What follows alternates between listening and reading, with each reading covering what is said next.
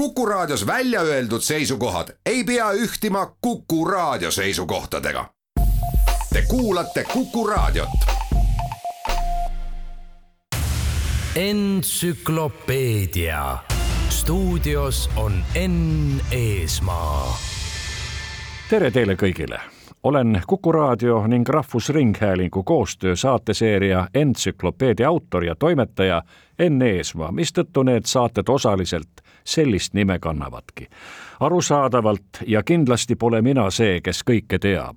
küll aga tahan teha kõik, et kõigest rohkem teada ning oma saadetes teilegi rääkida entsüklopeedia ei kuuluta lõplikku tõde, vaid püüab sõnas ja kuuldepiltides anda võimalikult põhjaliku ülevaate saate peateemast, kui see vähem kui tunni jooksul üldse on võimalik raadiolik entsüklopeedia pakub ju määratult rohkem võimalusi meid huvitavate inimeste, nähtuste ja sündmuste avamiseks kui mis tahes trükis ilmunud teatmeteos, mis pealegi jääb igaveseks oma avaldamise aega.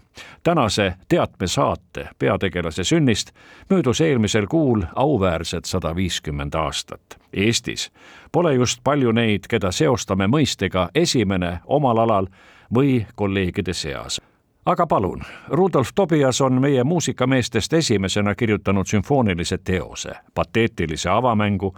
tema loodud on esimene keelpillikvartett, esimene vokaalsümfooniline teos, mis polnudki veel Joonase lähetamine. Tobias kirjutas Eestis esimesena klaverikontserdi. temast kujunes meie maal esimene professionaalne muusikakriitik, nii et on mida meenutada ja seda tänases saates jõudumööda nii sõnas kui muusikas teemegi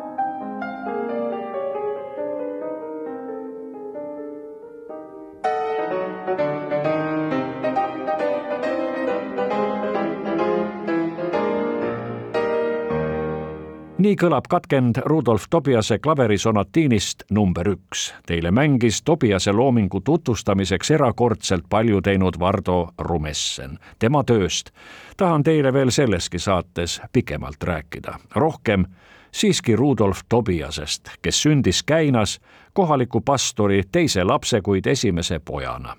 Tobiaste peres räägiti saksa keeles, see aga ei kahandanud tema võimalusi suureks eestlaseks saada Soome rahva ja muusika suurkuju Jean Sibeliuse kodus räägiti ju peamiselt rootsi keelt. Tobiase pastorist isa Johannes mängis orelit ning ehitas ja häälestas neid majesteetlikke pille. Käina kiriku orel on Johannes Tobiase tehtud. ta oli ka tuntud klaverihäälestaja. Rudolfi ema nimi oli Emilie Marie. koos oma mehega juhatas ta Käina vaeslaste varjupaika. poja esimeseks muusikaõpetajaks oli isa. esimesed säilinud heliloomingu katsetused tegi Rudolf juba üheksa-aastasena ning nüüd alustan Tobiase esimesteks tunnistatud oopuste tutvustamist. Eesti esimeseks programmiliseks heliteoseks on Valpurgi burlesk, mille nii-öelda tekstilis-mõtteliseks aluseks oli Goethe Valpurgi mäestseen Faustist. burleski kannab ette Sten Lasman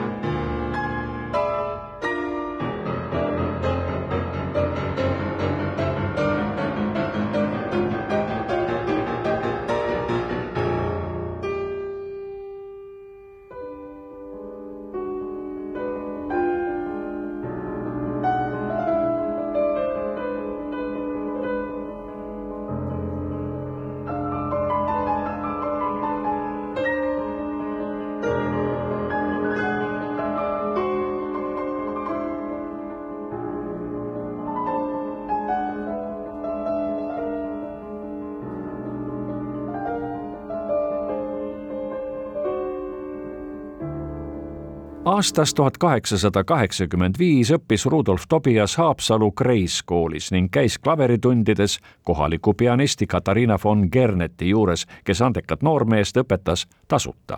pärast kooli lõpetamist elas Rudolf koos oma vanemate ja õdedega Kullamaal, kus isa pidas mitmel moel soodsamatel elu- ja töötingimustel köstriametit. Rudolf Tobias on õppinud ja elanud ka Tallinnas, kus käis Nikolai gümnaasiumis, mida täna teame Gustav Adolfi gümnaasiumina. olulised olid noore mehe orelitunnid Tallinna Toomkiriku organisti Ernst Reinike juures, kes õpetas Tobiasele ka muusikateooriat. seda on oluline teada, sest seletab Rudolf Tobiase kiireid edusamme Peterburi konservatooriumis, kus ta sai hästi hakkama nii oreliklassis kui kompositsiooniõpinguis maailmamainega helilooja Nikolai Rimski-Korsakovi juures. muide, raha kakskümmend viis rubla andis Tobiasele Peterburi sõitmiseks Märjamaa kihelkonnas elanud valguparuni proua Pilar von Pichlau. Tobiase õdede Mari ja Elizabethi andmeil olnud see ainus kord, mil Rudolf Tobias kelleltki annetusraha pidi vastu võtma. Tobiaste pere olnud vaesusest üsna kaugel, karmid näguripäevad tulid hiljem. kolm aastat enne kahekümnendat sajandit lõpetas Rudolf Tobias edukalt konservatooriumi kahel mainitud erialal. siinkohal pole huvituseta selgitada, et esimese professionaalse akadeemilise eriharidusega eestlasest muusik oli Johannes Kappel, kes lõpetas Peterburi konservatooriumi kompositsiooni ja oreli erialal juba aastal tuhat kaheksasada kaheksakümmend üks. Rudolf Tobiase diplomitööks oli kantaat Johannes Damaskuses, millest sai Eesti esimene vokaal, sümfooniline teos teksti võttis Tobias Aleksei Tolstoi samanimelisest poeemist. aastal tuhat üheksasada seitse dirigeeris Tobias nii Tartus kui Tallinnas oma kantaati. meie saates kõlab katkend sellest teosest Kaie Konradi, Hendrik Krummi ja Teo Maiste esituses. dirigeerib Neeme Järvi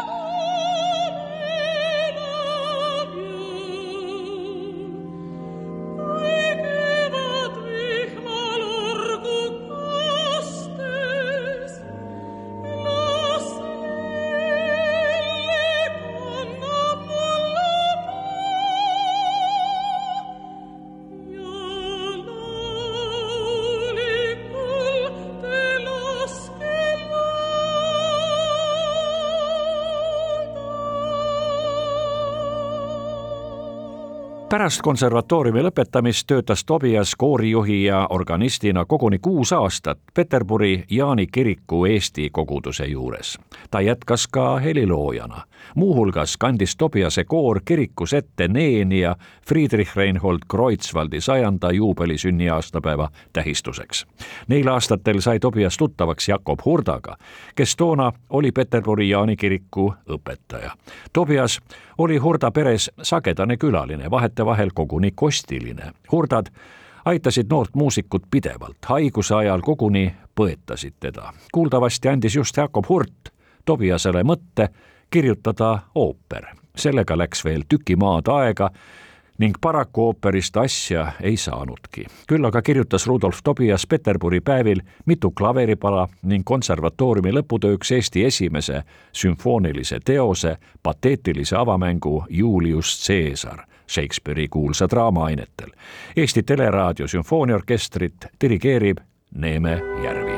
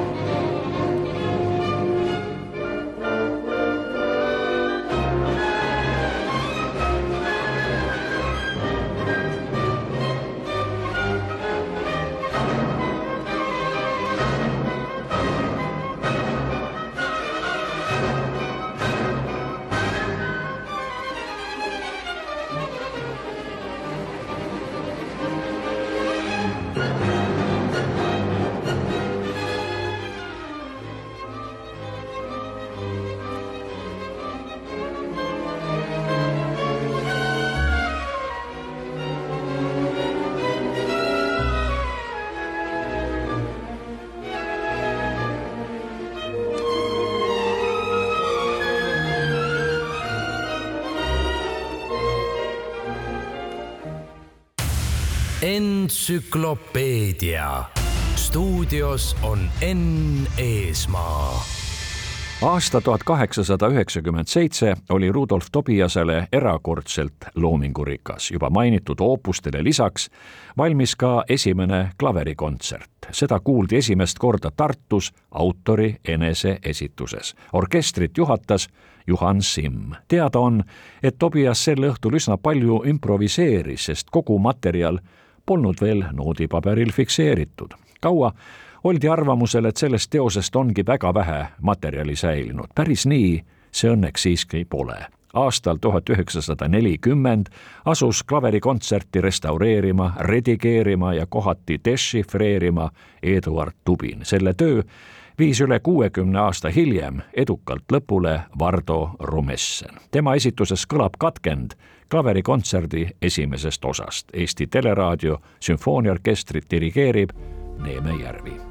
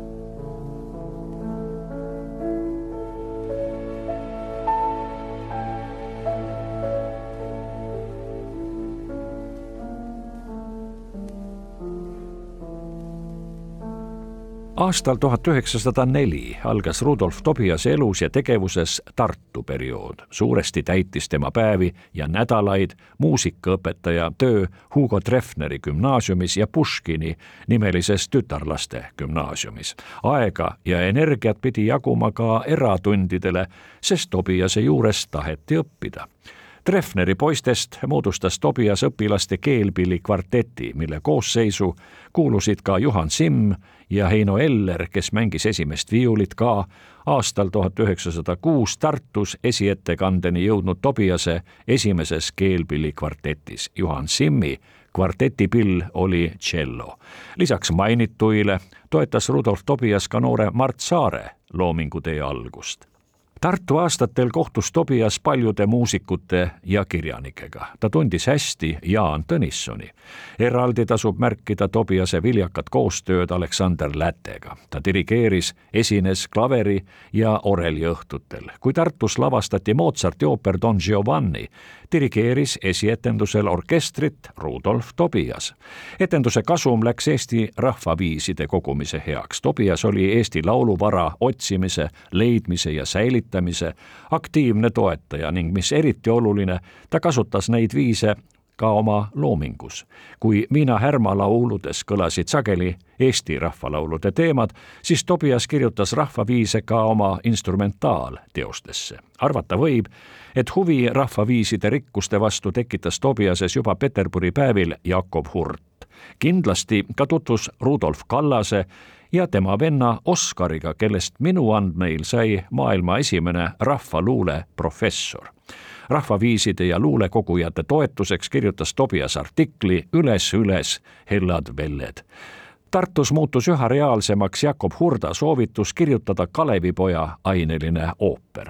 ajapikku valmisidki mõned stseenid ja numbrid kavandatavast lavateosest, olgu siinkohal nimetatud Kalevipoja unenägu, sest ilma neitsist ilusast Kalevipoeg põrgu väravas. ooper aga jäi paraku lõpetamata. põhjuseid selleks on rohkem kui üks. paarist räägin nüüd pisut pikemalt. Rudolf Tobias oli erakordselt nõudlik oma loomingutöös, ta rõhutas sageli, et muusika pole meelelahutus, vaid kunst. Tobiase jaoks oli erakordselt tähtis kunstilis-kujundlik idee, kuid loomingu aktiivsust pidurdas kindlasti Tobiase rahutu iseloom. tavaliselt ei viimistlenud ta oma töid ega süvenenud detailidesse. paljud teosed jäid pooleli, palju on säilinud visandeid ja teemasid. muusikateoreetikute arvates on Tobiase looming sageli ebaühtlane, teda iseloomustas pigem ideede tulv, hetkeline improvisatsioonide rohkus. Ega asjatult peetud Tobiast võrratuks improviseerijaks, eriti orelil Tartu aastail liitus Tobias kirjandusliku rühmitusega Noor Eesti. ajalehtedes ilmusid tema kirjutatud kontserdiarvustused ning ka publitsistlikud artiklid. aktiivselt otsis Tobias võimalusi oma oopuste ettekandeks. paraku ei täitunud need soovid paari olulise, kuid otsustava takistuse tõttu. nagu juba mainisin, taotles Tobias alati perfektsust, tollase Tartu muusikute, ka lauljate tase aga polnud Tobiase nõudlike teoste ettekandeks veel valmis. pealegi nõudsid mõned oopused tavatult suuri orkestri ja koori koosseise, mille tarvis nappis tegelikult kõike ja kõiki Pole siis imestada, et Rudolf Tobias otsustas mõni aeg elada ja töötada kodust kaugemal. ta peatus Pariisis, Prahas, Münchenis ja Dresdenis aastal tuhat üheksasada üheksa valmis Leipzigis Tobiase tõeline meistritöö, hiigelkoosseise nõudev oratoorium Joonase lähetamine omas žanris, esimene Eesti muusikaloos alustame koosseisust. oratoorium, mille algne pealkiri oli Joonas, on kirjutatud viiele solistile, kahele segakoorile, lastekoorile, orelile ja sümfooniaorkestrile nii vormilt kui sisult usulis-filosoofiline oratoorium põhineb Vana Testamendi tekstidel. kuid teosel on ka tajutav rahvuslik tagaplaan. kui aga tollast aega ja olusid silmas pidada, siis üsna kindlasti ka poliitiline tähtsus ja tähendus. kahjuks ei saa oratooriumi esiettekannet Leipzigi Püha Andrease kirikus novembris tuhat üheksasada üheksa mitmel põhjusel õnnestumiseks pidada nii uskumatu, kui see täna ka ei tundu, oli noodimaterjal puudulikult ette valmistatud, puudu jäi solistide ja koori professionaalsusest, kriitikud polnud rahul Tobiase dirigeerimisega. Lisaks kritiseerijaile oli õnneks ka neid, kes suutsid ebatäiuslikus ettekandes näha ja kuulda sedagi, mida märgata suudavad vaid vähesed. üks neist oli Berliini kõrgema muusikakooli rektor Hermann Kretschmar, kelle arvates polnud keegi pärast Bachi suutnud nii olulist oratooriumi kirjutada. oma analüüsis on lisaks temale teoreetikud rõhutanud Tobiase muusika karmikoelisust, massiivset monumentaalsust, tema muusika polüfooniliselt tihedat faktuuri. puhuti kostub tema loomingust ka impressionistlikke jooni, seda nii klaveripalades kui ooperiks kirjutatud numbrites. Tobiase loomingust kirjutajad on pea alati kiitnud autori kontrapunktilist muusikalist mõtlemisviisi oratooriumis Joonase lähetamine kostub kindlalt ja selgelt, kui tähtis oli temale luuleline metafüüsiline element muusikas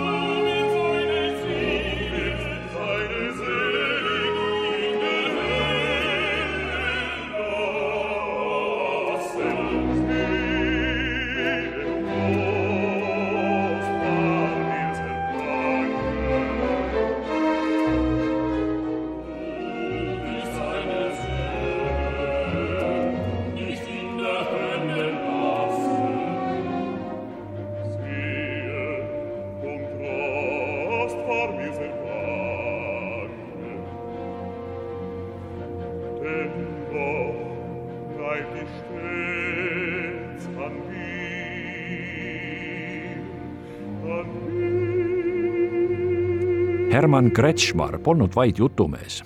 ta pakkus Tobiasele ka õppejõutööd ja palka oma muusikakoolis. see viimane oli rohkem kui teretulnud, sest oratooriumi valmimise kuudel elasid Tobiased väga vaeselt. ühes kirjas Isamaale ütles Tobias sõnaselgelt, et nad elavad õhust ja lootusest.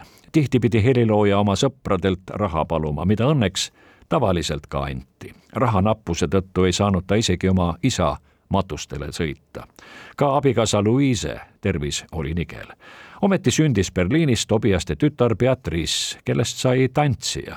Rudolf Tobiasest aga peagi Saksa kodanik see võimaldas tal saada Muusikaülikooli koosseisuliseks professoriks ning Saksa Heliloojate Liidu hindamiskomisjoni liikmeks. ning mis siiski peamine, ta sai jälle rohkem muusikat kirjutada. nii sai alguse oratoorium sealpool Jordanit. Rudolf Tobiasest sai esimene Eesti helilooja, kes suutis äratada tähelepanu ka mujal Euroopas. teda on nimetatud esimeseks eurooplaseks Eesti muusikas, samuti esimeseks iseseisvuslaseks Eesti helide riigis.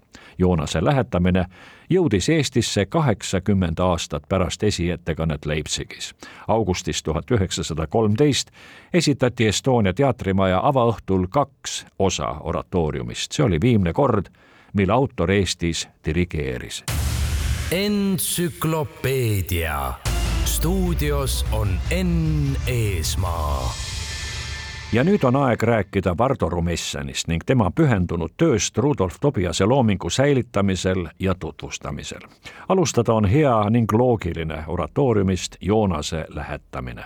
Rumessini aktiivne tegevus algas poole sajandi eest, mil Eestis tähistati Tobiase sajandat sünniaastapäeva. Rumessen organiseeris ja andis kontserte, alustas Tobiasest raamatute kirjutamist. palju ja innustunult aitas kõigele sellele kaasa Heliloide Liidu toonane esimees Boris Kõrver. veerand sajandi eest rääkis Vardo Rumessen ühes raadiosaates, mida kõike tal tuli teha, et oratoorium Joonase lähetamine saaks esitamisküpseks mis seal probleemid olid? probleemid, nagu ma ütlesin, on eelkõige seotud äh, orkestratsiooniga ja sellega, et, et Tobiasel on olemas mitmed käsikirjad, mis on üksteisele täiesti vastunäidustatud ja kooripartii on tal väga perfektselt kõik paika pandud, omalt poolt kooripartiiga ei ole üldse mingisuguseid probleeme. samuti vokalistide proble-, partiidega. põhiline on seotud kõik orkestratsiooniga, kus on täiesti arusaadav, miks see teos omakorda omal ajal läbi kukkus sellepärast et äh, seal on väga palju asju poolikuid, visandlikke kohti, äh, läbimõtlemata kohti ja mis seal salata, osa isegi orkestreerimata kohti, kuidas neid tol ajal ette kanti, ma ei kujuta lihtsalt üldse ette. seal on näiteks niisuguseid momente, kus äkki teose keskel võib-olla kaks-kolm takti orkester täiesti puudub äkki, kusjuures on täiesti selgelt näha, et siin peab kogu see saade minema edasi. ja nii, ja selle tõttu jah, tuli siis äh, need osad orkestreerida, mõned osad täiesti uuesti orkestreerida, näiteks see äh, vaikne mm, orkestri intermezzo number kümme, äh, Joonase märk, samuti ütleme tormikoori orkestripartituur, mis tuli kokku viia kahest täiesti erinevast versioonist, see on kokku liidetud erinevatest orkestratsioonidest. ka Sanktuse lõpuosaga olid samad probleemid ja muidugi teosel puudus ju lõpp. teose lõpp on läinud kaduma, nii et, et viimased leheküljed puuduvad ja, ja sealt lõpust umbes üks kaksteist takti, see oli vaja lihtsalt kombineerida siis eelmiste varasemate muusikaliste intonatsioonide noh, abil, et, et ta loogilise Äh, niisuguse arendusega lõppu välja jõuaks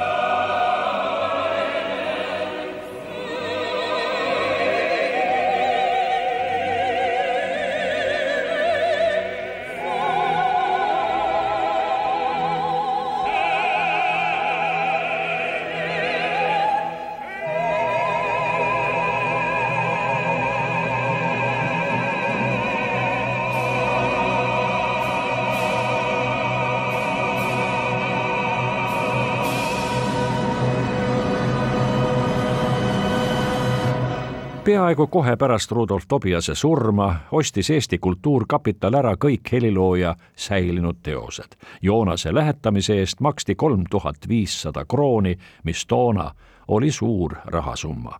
Rudolf Tobias oli esimene Eesti helilooja, kellele rajati rahva kurjanduse teel mälestussammas. Roman Haavamägilt tellitud sammas püstitati Haapsallu aastal tuhat üheksasada kakskümmend üheksa.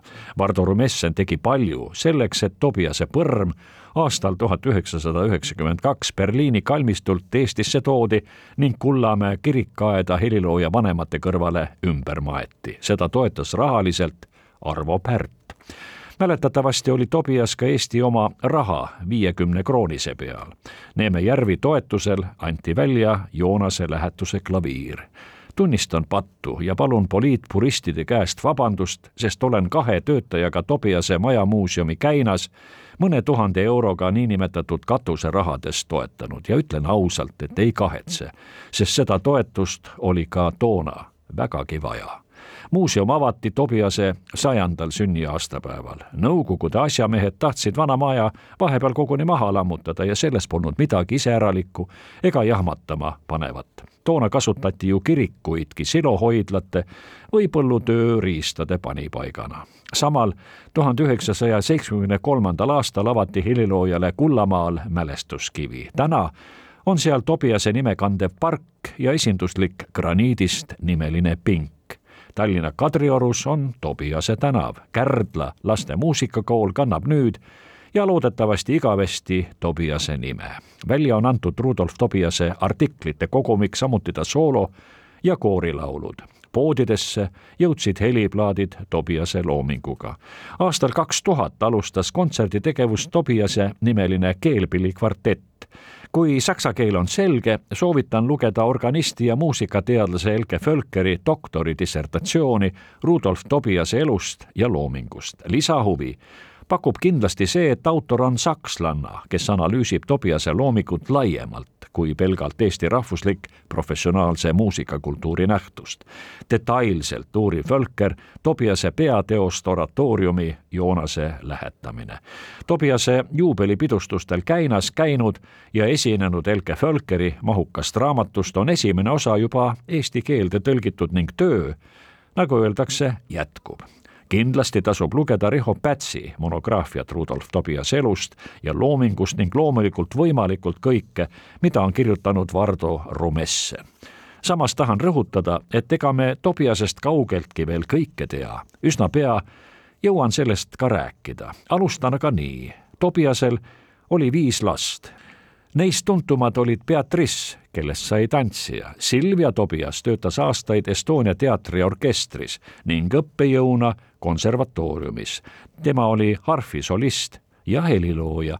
tema teoste hulka kuulub ooper Tuuled Tartust. USA-s elanud Helen Tobias Duisberg oli helilooja ning organist, isaga kuuldavasti väga sarnane poeg, Paul Ferdinand samuti helilooja, organist ja oivaline improviseerija. tänu Helen Tobias Duisbergi tütre Maja initsiatiivile jõudsid meie teatri- ja muusikamuuseumi mitu kopsakat pakki Rudolf Tobiase ning tema lastega seotud materjale. muusikateoste noodid, mõned koguni originaalid. Helen Tobias Duisbergi Eestisse jäetud kohvrist leidis Gonsiori tänava korteri uus omanik mõne aasta eest oratooriumi Joonas originaal, õigemini Tobiase tütre poolt eesti keelde tõlgitud ning ka muusikaliselt korrastatud variandi, mida täna peetakse selle tippteose adekvaatseimaks originaaliks. Tõnu Kaljuste eestvedamisel kanti mõned osad oratooriumist edukalt ette Rudolf Tobiase äsjastel juubelipidustustel Kärdlas.